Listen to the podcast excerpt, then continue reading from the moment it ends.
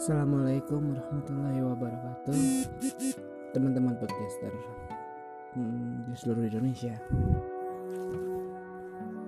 Hari ini Hari Kamis 25 April 2019 Pukul 2 pagi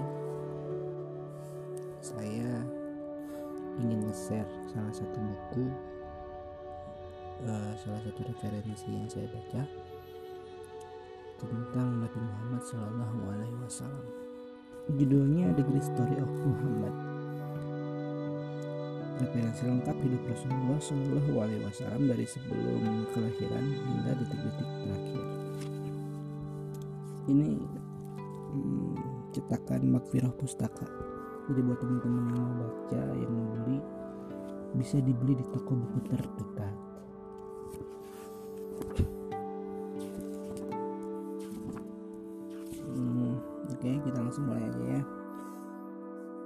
Insya Allah uh,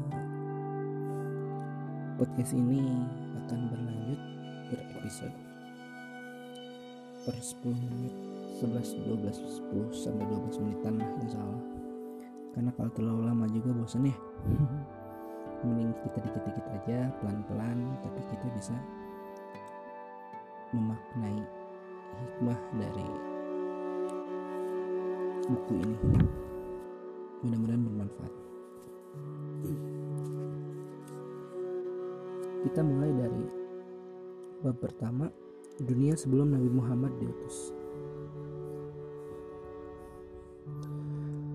Awan gelap menyelimuti pelosok dunia sebelum Nabi Muhammad Shallallahu Alaihi Wasallam diutus. Dunia Arab dipenuhi dengan perilaku jahiliyah, seperti penyembahan berhala, perang antar kabilah, penindasan kepada wanita, dan lain sebagainya. Kondisi peradaban di luar Arab lebih parah lagi. Peradaban, Romawi dan Persia yang menjadi negara adidaya saat itu lebih rusak dan brutal. Berbagai agama dan aliran kepercayaan yang ada seperti Yahudi, Nasrani, Hindu, dan Konghucu tidak mampu menyinari dunia karena ajaran mereka banyak diselewengkan. Nah, sekarang ini sedikit tentang wawasan uh, Arab. Kawasan Arab dikenal dengan nama Jazirah Arab. Jazirah Arab itu adalah dalam bahasa Indonesia-nya itu semenanjung. Sedangkan Arab artinya padang pasir. Jadi jazirah semenanjung, Arab padang pasir. Karena tanah ini gundul dan gersang yang tidak memiliki air dan tumbuh-tumbuhan. Nama jazirah Arab ini diberikan sejak dulu kala karena daerah ini memang seakan-akan sebuah pulau yang gersang dan tandus. Tapi biarpun tandus dan gersang, secara geografis daerah ini sangat strategis karena dulu daerah ini menjadi tempat berlabuhnya dan bertemunya berbagai bangsa untuk berhubungan dagang, peradaban, agama, dan budaya. Petanya ada di Google, kalian bisa searching sendiri lah ya. Itu tentang dunia Arab. Sekarang kita masuk kepada asal mula bangsa Arab. Cikal bakal penduduk jazirah Arab bermula dari diturunkannya Nabi Adam alaihissalam dan Hawa ke dunia dari surga oleh Allah Subhanahu wa taala. Keduanya kemudian melahirkan keturunan. Allah lalu mengutus Nabi Nuh untuk memperbaiki akidah manusia. Nabi Nuh mengajak kaumnya untuk menyembah Allah semata. Tetapi tadi gubris hingga akhirnya Allah mendatangkan banjir besar. Nabi Nuh dan orang-orang beriman saja yang diselamatkan karena telah naik perahu diselamatkan oleh Allah. Karena waktu itu kalau di ceritanya eh, di kisahnya Nabi Nuh disuruh buat perahuan gitu. Mereka terbawa arus yang sangat dahsyat hingga membuat mereka ingat hingga membuat perahu mereka terdampar di Gunung Al-Judi sebelah timur Turki saat ini. Mereka menetap dan berkembang biak di sana. Yafid, Sam, dan Ham adalah anak-anak Nabi Nuh alaihissalam. Para ahli sejarah banyak yang sepakat bahwa seluruh umat manusia yang ada setelah Nabi Nuh alaihissalam merupakan keturunan dari ketiga anak beliau, bukan dari pengikut Nabi Nuh alaihissalam. Sebagaimana Allah berfirman, dan kami jadikan anak cucunya orang-orang yang melanjutkan keturunan. Dan kami abadikan untuk Nuh pujian di kalangan orang-orang yang akan datang kemudian. Kesejahteraan kami limpahkan atas Nuh di seluruh alam. Sungguh, demikianlah kami memberikan balasan kepada orang-orang yang berbuat baik. Quran Surat Asy-Syafat surat ke-37 ayat 77 sampai 80. Yafid, anak pertama Nabi Nuh, bergerak ke timur bersama keturunannya di antara mereka ada juga yang pergi ke barat. Nah, Sam, anak kedua anak kedua Nabi Nuh, menuju ke daerah Mesopotamia, eh, sekarang itu Irak. Tempat tinggal mereka pertama kali. Sam dan keturunannya menetap di sana dan dikenal sebagai kaum Sumeria. Di saat yang sama, di antara mereka juga ada yang menyebar ke bagian wilayah Jazirah Arab antara lain kaum Samud, Judais, Amalik, dan Ad. Nama Al-Arabiyah berawal dari sini, yang kemudian disebut sebagai negara-negara Arab. Sementara itu, Ham, anak bungsu Nabi Nuh, menuju ke selatan Mesopotamia bersama anak cucunya. Sebagian di antara mereka ada juga uh, yang pergi ke Tenggara menuju India dan Barat Daya. Mereka menyeberangi Selat Babul Mandub menuju Afrika dan dari tempat tersebut bergerak ke arah utara dan tempat lainnya. Ditilik dari silsilah keturunan dan cikal bakalnya, para sejarawan membagi bangsa Arab menjadi tiga bagian. Yang pertama, Arab Ba'idah, yaitu kaum Arab terdahulu yang sejarahnya tidak bisa dilacak secara rinci dan kompler. Seperti Ad, Samud, hmm, Tasam, Judais, Amalik, dan lainnya. Itu nggak bisa dilacak. Yang kedua Arab Aribah atau penduduk asli. Yaitu kaum-kaum Arab yang berasal dari keturunan Ya'rub bin Yasjub bin Kotan atau disebut pula Arab Kotaniyah Tempat tinggal asli mereka di Yaman, sebelah selatan Jazirah Arab. Kabilah yang terkenal di Arab Aribah ini adalah Jurhum dan Ya'rub. Dari Ya'rub berkembang ke beberapa kabilah dan anak suku hingga menjadi dua cabang besar. Uh, cabangnya itu adalah Kahlan dan Himyar.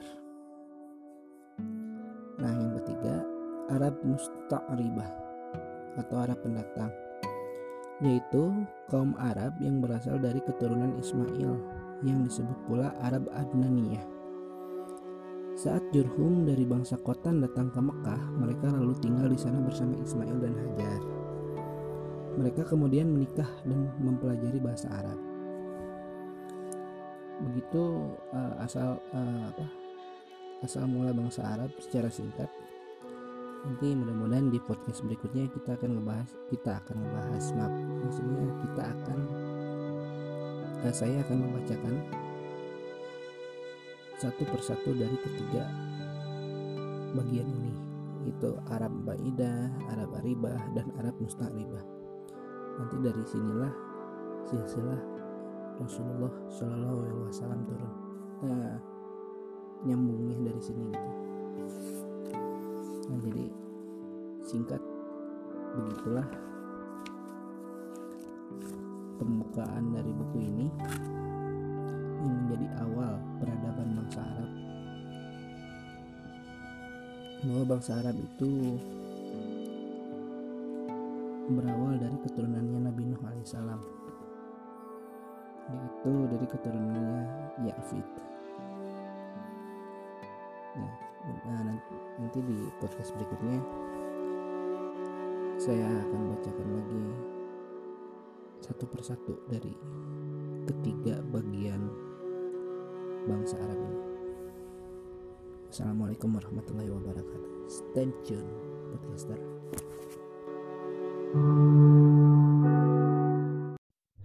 أعوذ بالله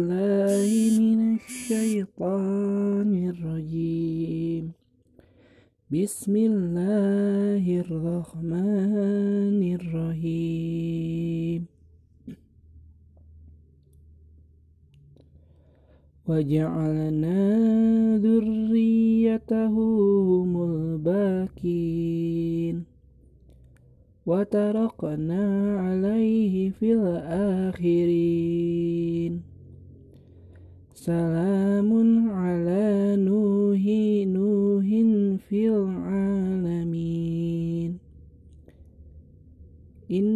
kadzalika inna kadzalika najzil muhsinin Sadaqallahul adzim Aku berlindung kepada Allah dari godaan setan yang terkutuk dengan menyebut nama Allah yang Maha Pengasih lagi Maha Penyayang. Dan kami jadikan anak cucunya orang-orang yang melanjutkan keturunan. Dan kami abadikan untuk Nuh pujian di kalangan orang-orang yang datang kemudian. Kesejahteraan kami limpahkan atas Nuh di seluruh alam. Sungguh, demikianlah kami memberi balasan kepada orang-orang yang berbuat baik. Maha benar Allah dengan segala firman-Nya. Ya. Baik, Assalamualaikum warahmatullahi wabarakatuh, teman-teman podcaster. Hari ini hari Jumat tanggal 26 April 2019 tepat pukul jam 5 lebih jam 4 lebih 45 Insya Allah kita bakal melanjutkan episode yang kedua ini tentang buku The Great Story of Muhammad. Referensi lengkap hidup Rasulullah Shallallahu Alaihi Wasallam dari sebelum kelahiran hingga detik-detik terakhir. Sedikit uh, pengulangan ya, bahwa kalau kemarin kita udah nge-review di bab 1 dunia sebelum Nabi Shallallahu Alaihi Wasallam diutus. Sekarang juga masih di bab 1. Kemarin kita sampai asal mula bangsa Arab yang dibagi menjadi tiga bangsa ditilik dari uh, keturunan dan cikal bakalnya menurut para ahli sejarah. Yang pertama ada Arab Ba'idah, yang kedua ada Arab Aribah, dan yang ketiga ada Arab Musta'ribah. Insya Allah uh, di episode 2 ini kita selesaikan di tiga bangsa ini.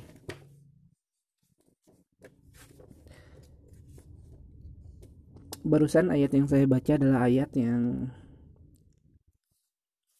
uh, menerangkan tentang bahwa keturunan keturunan-keturunan kita itu semuanya dari anak-anaknya Nabi Nuh, bukan dari pengikut-pengikutnya. Itu Quran surat Asy-Syaffat surat ke-37 ayat 77 sampai 80. Teman-teman mungkin bisa membukanya langsung ya di di rumah masing-masing. Sekarang kita uh, lanjut aja di Arab Arab, Arab Baidah. Para ahli sejarah kesulitan untuk menapaki jejak sejarah Arab Baidah karena tidak ada peninggalan yang dapat ditelusuri. Namun, kisah mereka banyak terdapat di dalam Al-Quran, yaitu kaum Ad, kaum Samud, kaum Madian, dan kaum Aikoh. Ini adalah kaum-kaum uh, Arab Baidah. Kaum Ad bermukim di wilayah antara Rubu, Kholi, dan Hadramaut. Pada tahun 4600 sebelum Masehi, Allah mengutus Nabi Hud alaihissalam kepada mereka agar tidak lagi menyembah berhala. Kaum Ad memiliki tiga berhala yang menjadi Tuhan mereka, yaitu Syuda, Syamud, dan Hiba. Namun, seruan Nabi Hud alaihissalam agar menyembah Allah tadi dengar mereka. Allah lalu menurunkan azabnya yang menyakitkan. Salah satunya dengan meniupkan angin yang sangat kencang. Nabi Hud alaihissalam sendiri termasuk salah satu keturunan Sam bin Nuh. Kaum Samud. Kaum Samud menetap di wilayah antara Madinah dan Tabuk, persisnya di perbatasan sebelah utara lembah Al-Qura Al-Hijr yang saat ini dikenal dengan nama Madain Soleh. Allah mengutus Nabi Salih bin Ubaid bin Asif yang merupakan keturunan Sam bin Nuh kepada kaum Samud seperti yang tertuang dalam firman-Nya sebagai berikut. Dan kepada Samud kami utus saudara mereka Soleh. Quran Surat Hud surat ke-11 ayat 61. Menurut ahli sejarah, Nabi Saleh alaihissalam diutus sekitar 4400 sebelum masehi untuk menyebarkan ajaran Allah. Beliau meminta kaumnya untuk tidak menyembah berhala. Namun, seruan Nabi Saleh alaihissalam tidak dihiraukan.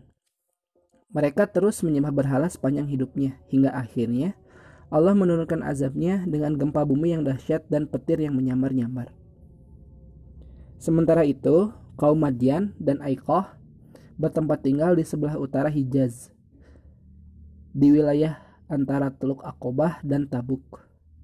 Rumah mereka dikenal dengan nama Maghayir Shu'aib atau rumah gua Shu'aib. Allah mengutus Nabi Shu'aib alaihissalam kepada kaum Madian dan Aiqah. Allah berfirman, dan kepada penduduk Madian kami utus saudara mereka Shu'aib. Quran Surat Hud surat ke-11 ayat 84 Nabi Shu'aib alaihissalam diutus Allah sekitar 3600 sebelum masehi untuk mengajak kaum Madian dan Aiqah meninggalkan berhala. Salah satu berhala yang mereka sembah adalah pohon besar Aiqah. Namun, Ajakan Nabi Shu'aib alaihissalam tak didengar kedua kaum tersebut. Mereka sama sekali menolak ajakan Shu'aib hingga Allah mengazab mereka dengan gempa bumi dan banjir bandang.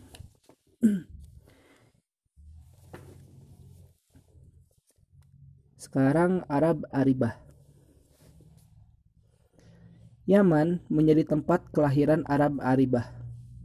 Mereka adalah keturunan Kotan yang nasab mereka berakhir pada Sam bin Nuh. Mereka terbagi ke dalam beberapa kabilah. Dan ada dua yang terkenal. Yang pertama Himsyar, yang kedua Kahlan. Banyak suku Kahlan yang kemudian pindah ke Yaman, pindah dari Yaman, menyebar ke berbagai penjuru jazirah Arab. Mereka terbagi ke dalam empat golongan. Yang pertama Azdi, yang kedua Laham dan Judzam, yang ketiga Bani Ta'i dan yang keempat Kindah itu sekilas tentang Arab Aribah selanjutnya ada Arab Musta'ribah atau Adnan. Kaum Arab Musta'ribah dikenal dengan keturunan Adnan dan Adnan adalah keturunan Ibrahim dari Ismail. Adnan sendiri merupakan nenek moyang Rasulullah Shallallahu Alaihi Wasallam. Sebelum mengetahui silsilah Rasulullah Shallallahu Alaihi Wasallam hingga ke Adnan, akan dijelaskan terlebih dahulu sejarah nenek moyang keduanya. Nabi Ibrahim Nabi Ibrahim berasal dari Ar, wilayah di Mesopotamia, Irak, di pinggir sungai Furat dekat Kufah. Setelah sekian lama menetap di Mesopotamia, Nabi Ibrahim hijrah ke Haran dan Palestina hingga ke Mesir. Dakwah Nabi Ibrahim di Mesir dihalangi oleh Raja Fir'aun. Di Mesir, semua raja disebut dengan Fir'aun. Berbagai cara dilakukan Fir'aun untuk menghalangi dakwah. Salah satunya dengan merancang sebuah tipu daya untuk Sarah, istri Ibrahim. Tetapi Allah melindungi Sarah. Siasat buruk Fir'aun justru berbalik menyerang dirinya.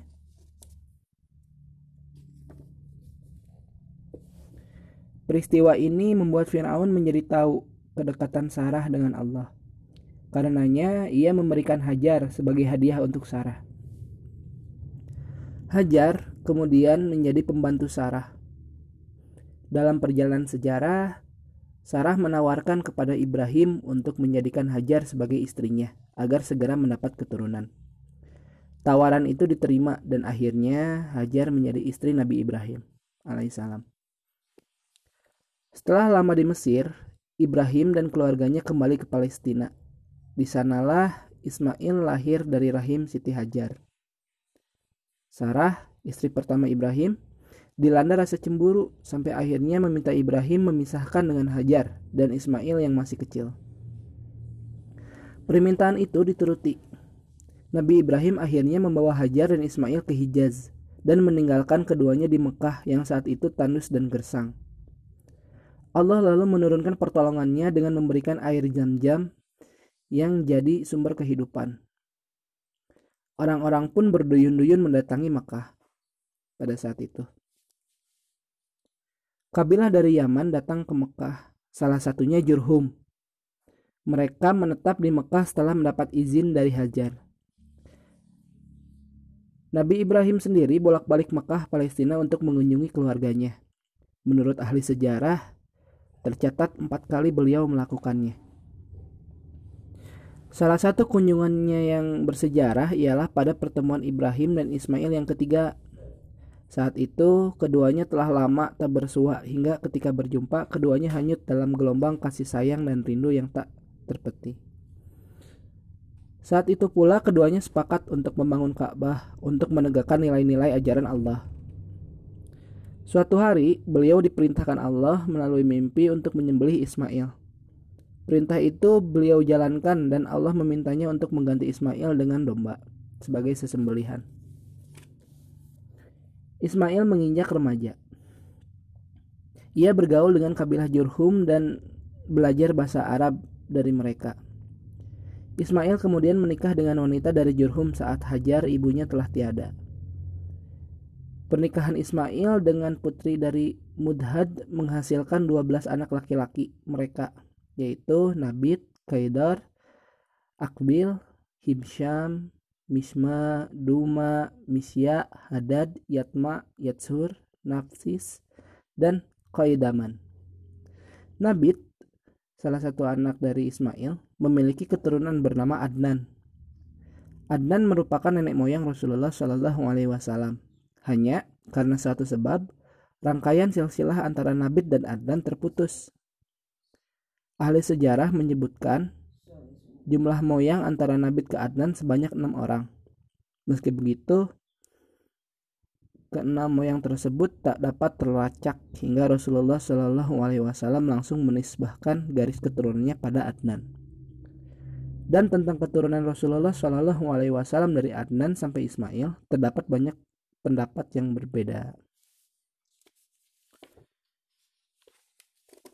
Itu sekilas tentang tiga bangsa Arab yang ditilik dari keturunan dan cikal bakalnya.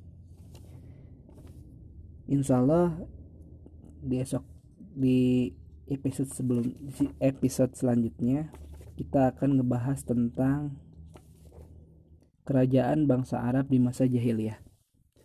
Oh iya ya, teman-teman podcaster, uh, untuk episode ini teman-teman bisa buka di Google uh, silsilah Bani Adnan. Nanti keluar silsilahnya. Uh, teman-teman bisa kegambar lah ya. Uh, Rasulullah nenek moyang uh, ke nenek moyangnya itu keturunannya berapa lama perkiraannya nah insya Allah teman-teman teman-teman podcaster besok kita akan ngebahas tentang bukan ngebahas sih nge-review mungkin ya tentang kerajaan bangsa Arab di masa jahiliyah sebelum Rasulullah diutus. Uh, buat teman-teman semuanya yang mungkin ini bermanfaat buat teman-teman semua jangan lupa di share kembali ya. Didiskusikan dengan teman-temannya jangan diham-ham sendiri. Karena ini mudah-mudahan dengan kita mendiskusikannya dengan kita menyebarkannya lagi ini bisa jadi pahala untuk kita semua. Amin ya rabbal alamin. Oke baik segitu aja teman-teman podcaster. Tetap stay tune podcaster. Assalamualaikum warahmatullahi wabarakatuh